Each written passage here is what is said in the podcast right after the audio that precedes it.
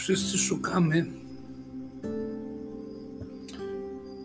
Wszyscy poszukujemy i bardzo niezłomni jesteśmy w swoich poszukiwaniach.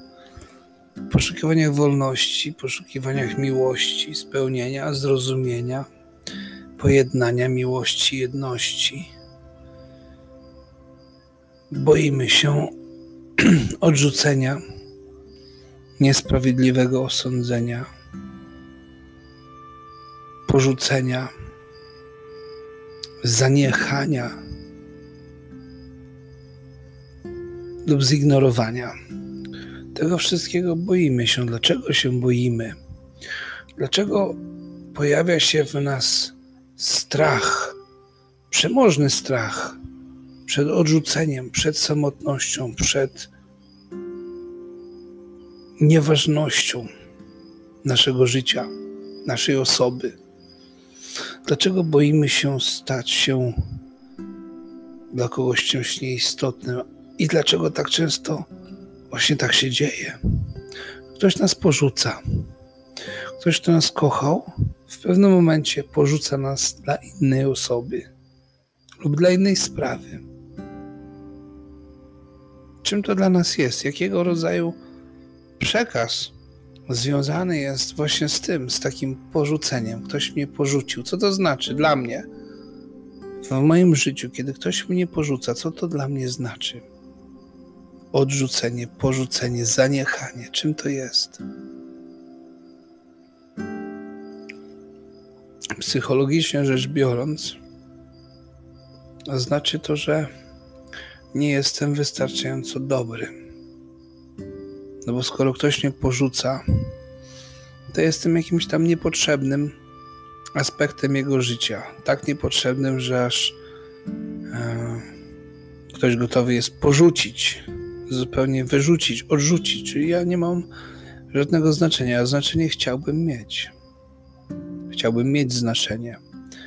Chciałbym doświadczać też czegoś. To jest też inny aspekt, że kiedy ktoś mnie porzuca, to odbiera mi możliwość doświadczania jedności wypływającej ze związku dwóch istnień, dwóch osób. Związku, który jest związkiem właśnie miłości, szacunku, użyteczności, jakiejś potrzeby, wspólnego ze sobą życia, przyjaźni. Ktoś to porzuca, nagle się okazuje, że po prostu jesteśmy pozbawieni bardzo ważnych dla nas jakichś potrzebnych wartości, czy potrzeb, w ogóle potrzeb emocjonalnych. Nagle nie możemy ich nigdzie ulokować, nie możemy ich ukierunkować, skierować, bo oto nagle stanęliśmy przed jakąś taką nie do przebycia ścianą, murem, który nas otoczył ze wszystkich stron. Porzucenie. Nie chcemy być porzuceni. Boimy się samotności. Dlaczego boimy się? Dlaczego pragniemy niektórych stanów istnienia egzystencjalnych e, sfer? Dlaczego niektórych rzeczy pragniemy, takich jak na przykład miłość, czy właśnie wspólnota, czy po, pojednanie, połączenie z kimś, jedność?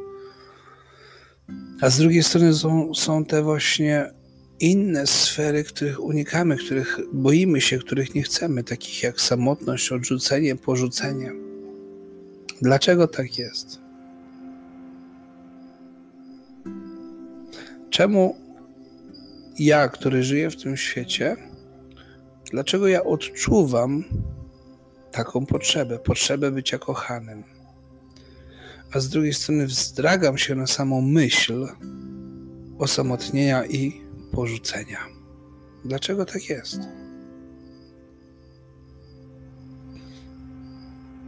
Wedy mówią o tym, pisma wedyjskie, Weda to znaczy wiedza. Pisma wedyjskie są pismami, pismami wiedzy, starożytna wiedza Indii tak to powszechnie się mówi, ale w rzeczywistości ta wiedza z Indii mówi o tym, że to nie jest wiedza z Indii, że to jest wiedza, która jest dla każdego, dla całego świata, bo wiedza jest zawsze taka sama. Wszędzie. To nie jest wiedza indyjska. Tak jak złoto nie może być indyjskie, polskie czy jakiekolwiek, podobnie wiedza jest czymś uniwersalnym. Więc tak czy inaczej, pisma wedyjskie traktują o naturze żywej istoty. Celowo używam to słowa żywa istota, nie człowieka, dlatego że żywa istota to nie tylko człowiek. Jest wiele różnych żywych istot. I natura żywej istoty jest taka, że ona jest taka sama, natomiast w tym świecie materialnym przyobleka się w różnego rodzaju ciała i stąd różnice. Pies różni się od kota i od człowieka i tak dalej, i tak dalej. To ludzkie życie daje nam szansę dociekania. Tak jak teraz właśnie dociekamy. Drążymy temat. To jest możliwość dana nam, ludziom. Ale Wedy mówią nam o tym, że żywa istota z natury jest taka sama, każda jedna. Wszystkie są takie same, to znaczy, że wszystkie są duchowymi istotami i mają pewne duchowe cechy, takie jak Sat, Chit, Ananda. Sat oznacza wieczność, czyli żywa istota jest wieczna, ona nie umiera, nie rodzi się, nie pojawia i nie znika. Chit to znaczy, że jest pełna wiedzy, dusza sama w sobie jest samowystarczalna, ona ma wiedzę. Ona nie musi się niczego uczyć. Tak jak w tym świecie musimy się uczyć, dusza nie musi się niczego uczyć, ona już wszystko wie. To, co ma wiedzieć, to wie.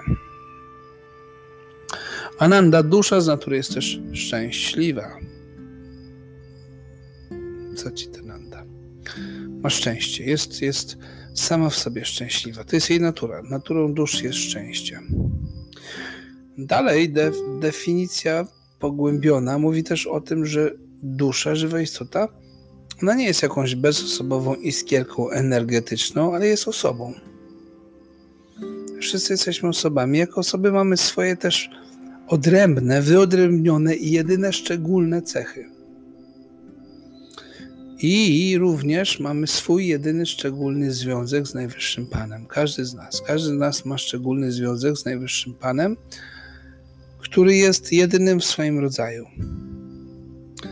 I w tym związku my wszyscy jesteśmy je, w jedyny swój sposób, jedyny szczególny sposób jesteśmy w tym związku zaangażowani e, w jedność z naszym Panem.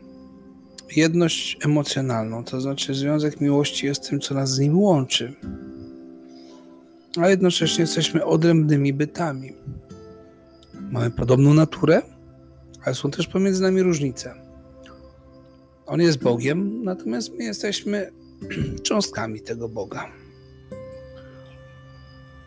On jest nieskończony, my jesteśmy ograniczeni, bardzo mocno ograniczeni. Ale mamy z nim szczególny związek i ten związek jest jedyny w swoim rodzaju. W tym związku jesteśmy bardzo szczęśliwi, spełnieni. to za tym związkiem tęsknimy. Dlaczego boimy się odrzucenia? My odrzuciliśmy Boga w pewnym momencie, odeszliśmy od Niego, w jakiś sposób zdecydowaliśmy się właśnie na to, na odejście od Boga. Historia odejścia jest bardzo czymś takim niezbadanym do końca tematem. W jaki sposób szczęśliwa dusza może chcieć odejść od źródła swojego szczęścia. W taki czy w inny sposób doprowadziliśmy się do tej sytuacji, sytuacji oddzielenia od Boga. I w iluzji tego świata materialnego wydaje nam się, że żyjemy i prowadzimy swoje niezależne od Niego życie. Być może była to wielka, traumatyczna, tragiczna w skutkach decyzja odejścia, która spowodowała tak wielkie spustoszenie w sercu duszy, że niesie ona w sobie takie znamie tej samotności, tego oderwania, tego odrzucenia. Odrzucenie, które to ona wystosowała w stronę wieczności, w stronę Boga, w stronę absolutu. Ale to ona cierpi konsekwencje tego to oderwanie, odrzucenie rzuciło nas w wir materialnej iluzji. Wyrwało nas z naszej oryginalnej sytuacji, w której czuliśmy się bardzo dobrze i bezpiecznie i szczęśliwi, pełni szczęścia. Nagle staliśmy się ofiarami, które wpadły w ten wir materialnej, obcej nam energii. Energii, którą chcemy kontrolować, a jednocześnie nie jesteśmy w stanie. I podlegamy jednocześnie też kontroli tej energii. Ona nas kontroluje i zniewala tutaj. Tutaj cała nasza egzystencja tak naprawdę opiera się właśnie o to, że nie możemy kontrolować tej rzeczywistości, a zatem jesteśmy zniewoleni i kontrolowani. Jeżeli ja nie kontroluję, to znaczy, że to coś mnie kontroluje. Więc jesteśmy kontrolowani przez tą energię i odseparowani jesteśmy od możliwości tak naprawdę decydowania. Bo ja nie mogę zdecydować o tym na przykład, że dzisiaj nie pójdę do ubikacji. Dlatego, że kiedy przychodzi ten moment, no to no mogę nie pójść, ale to też nie skończy się dla mnie najlepiej, jeśli nie pójdę. Lepiej, żebym poszedł.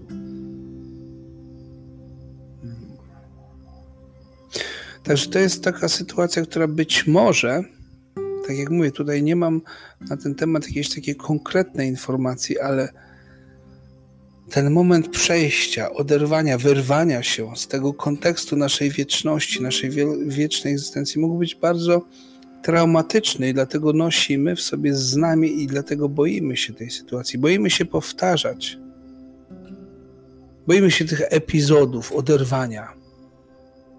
Bo kiedy to stwarzamy sobie jakieś schronienie, my naturalnie pragniemy schronienia, dlatego że naturalnie w Bogu je mamy. W tej duchowej egzystencji ono jest częścią naszej egzystencji. Więc mamy schronienie, ale tu w tym świecie musimy sobie je stworzyć. Więc kiedy je stwarzamy, a ono nas w pewnym momencie porzuca, to jest to znowu ten strach. Potrzebujemy naszego kochanka, którym jest Bóg. Potrzebujemy tego związku, tej miłości, tej jedności. Ale tutaj go nie ma.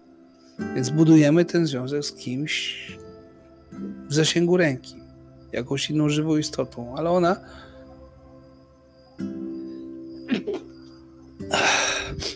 ona nam nie może tego dać.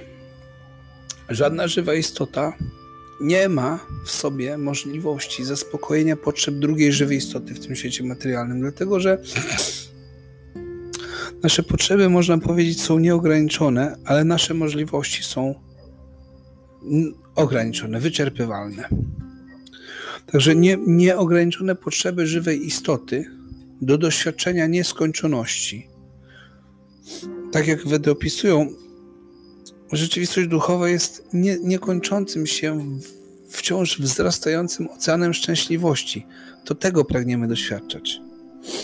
Ale tutaj nie możemy sobie tego podarować. Tutaj nie ma takiej możliwości. Nie możemy sobie dać takiej szczęśliwości tutaj w tym świecie materialnym. Żadna żywa istota nie ma takich możliwości, żeby obdarzyć inną żywą istotę tego rodzaju szczęściem. Także budujemy związki, które opierają się na błędzie, które opierają się na braku możliwości, które jakby no nie są wydajne i ostatecznie kończy się często to właśnie tym, że e, gdzieś ta sytuacja się rozpada, coś ucieka, coś się kończy bo oto dobijamy do brzegu naszych możliwości. Chciałem kogoś zadowalać, ale już nie umiem, już nie mogę, więcej już ci mogę, nie mogę dać. To, co mogłem dać, to już dałem, teraz już nie mogę. To, co chciałem zaczerpnąć, już zaczerpnąłem i więcej już też nie ma. I pojawia się nagle jakaś taka wyrwa, gdzieś ta relacja, nagle ta jedność gdzieś zostaje zachwiana. No właśnie, co dalej? Szukamy następnej żywej istoty, może ktoś inny? teraz spełni tę rolę. Ty, mój drogi kochanku, odejdź już. Szukam nowego kochanka. Ty już nie dajesz rady. No i co wtedy? Samotność.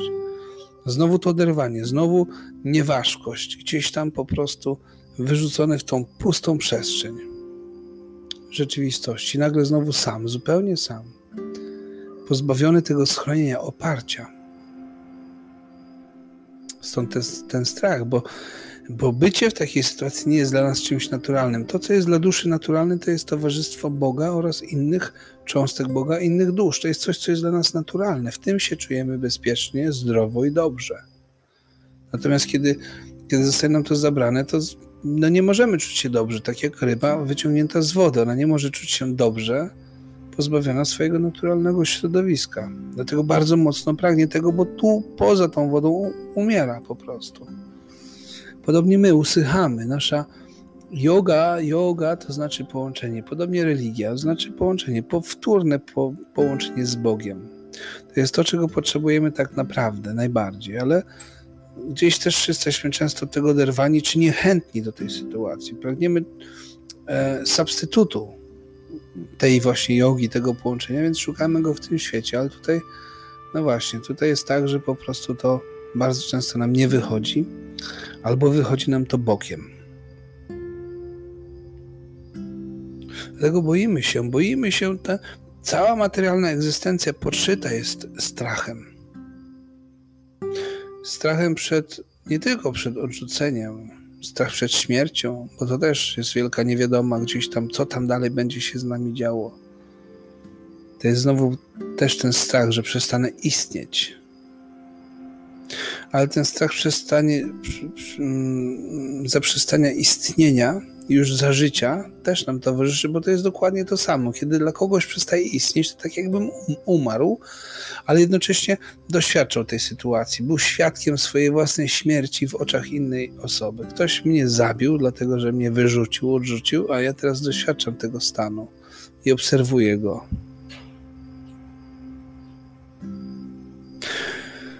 Jeszcze powrócimy do rozważań na ten temat, natomiast dzisiaj ponieważ już minęło 15 minut, zakończymy część pierwszą rozważań nad tym tematem, dlaczego obawiamy się odrzucenia samotności, dlaczego tak bardzo pragniemy żyć w związkach.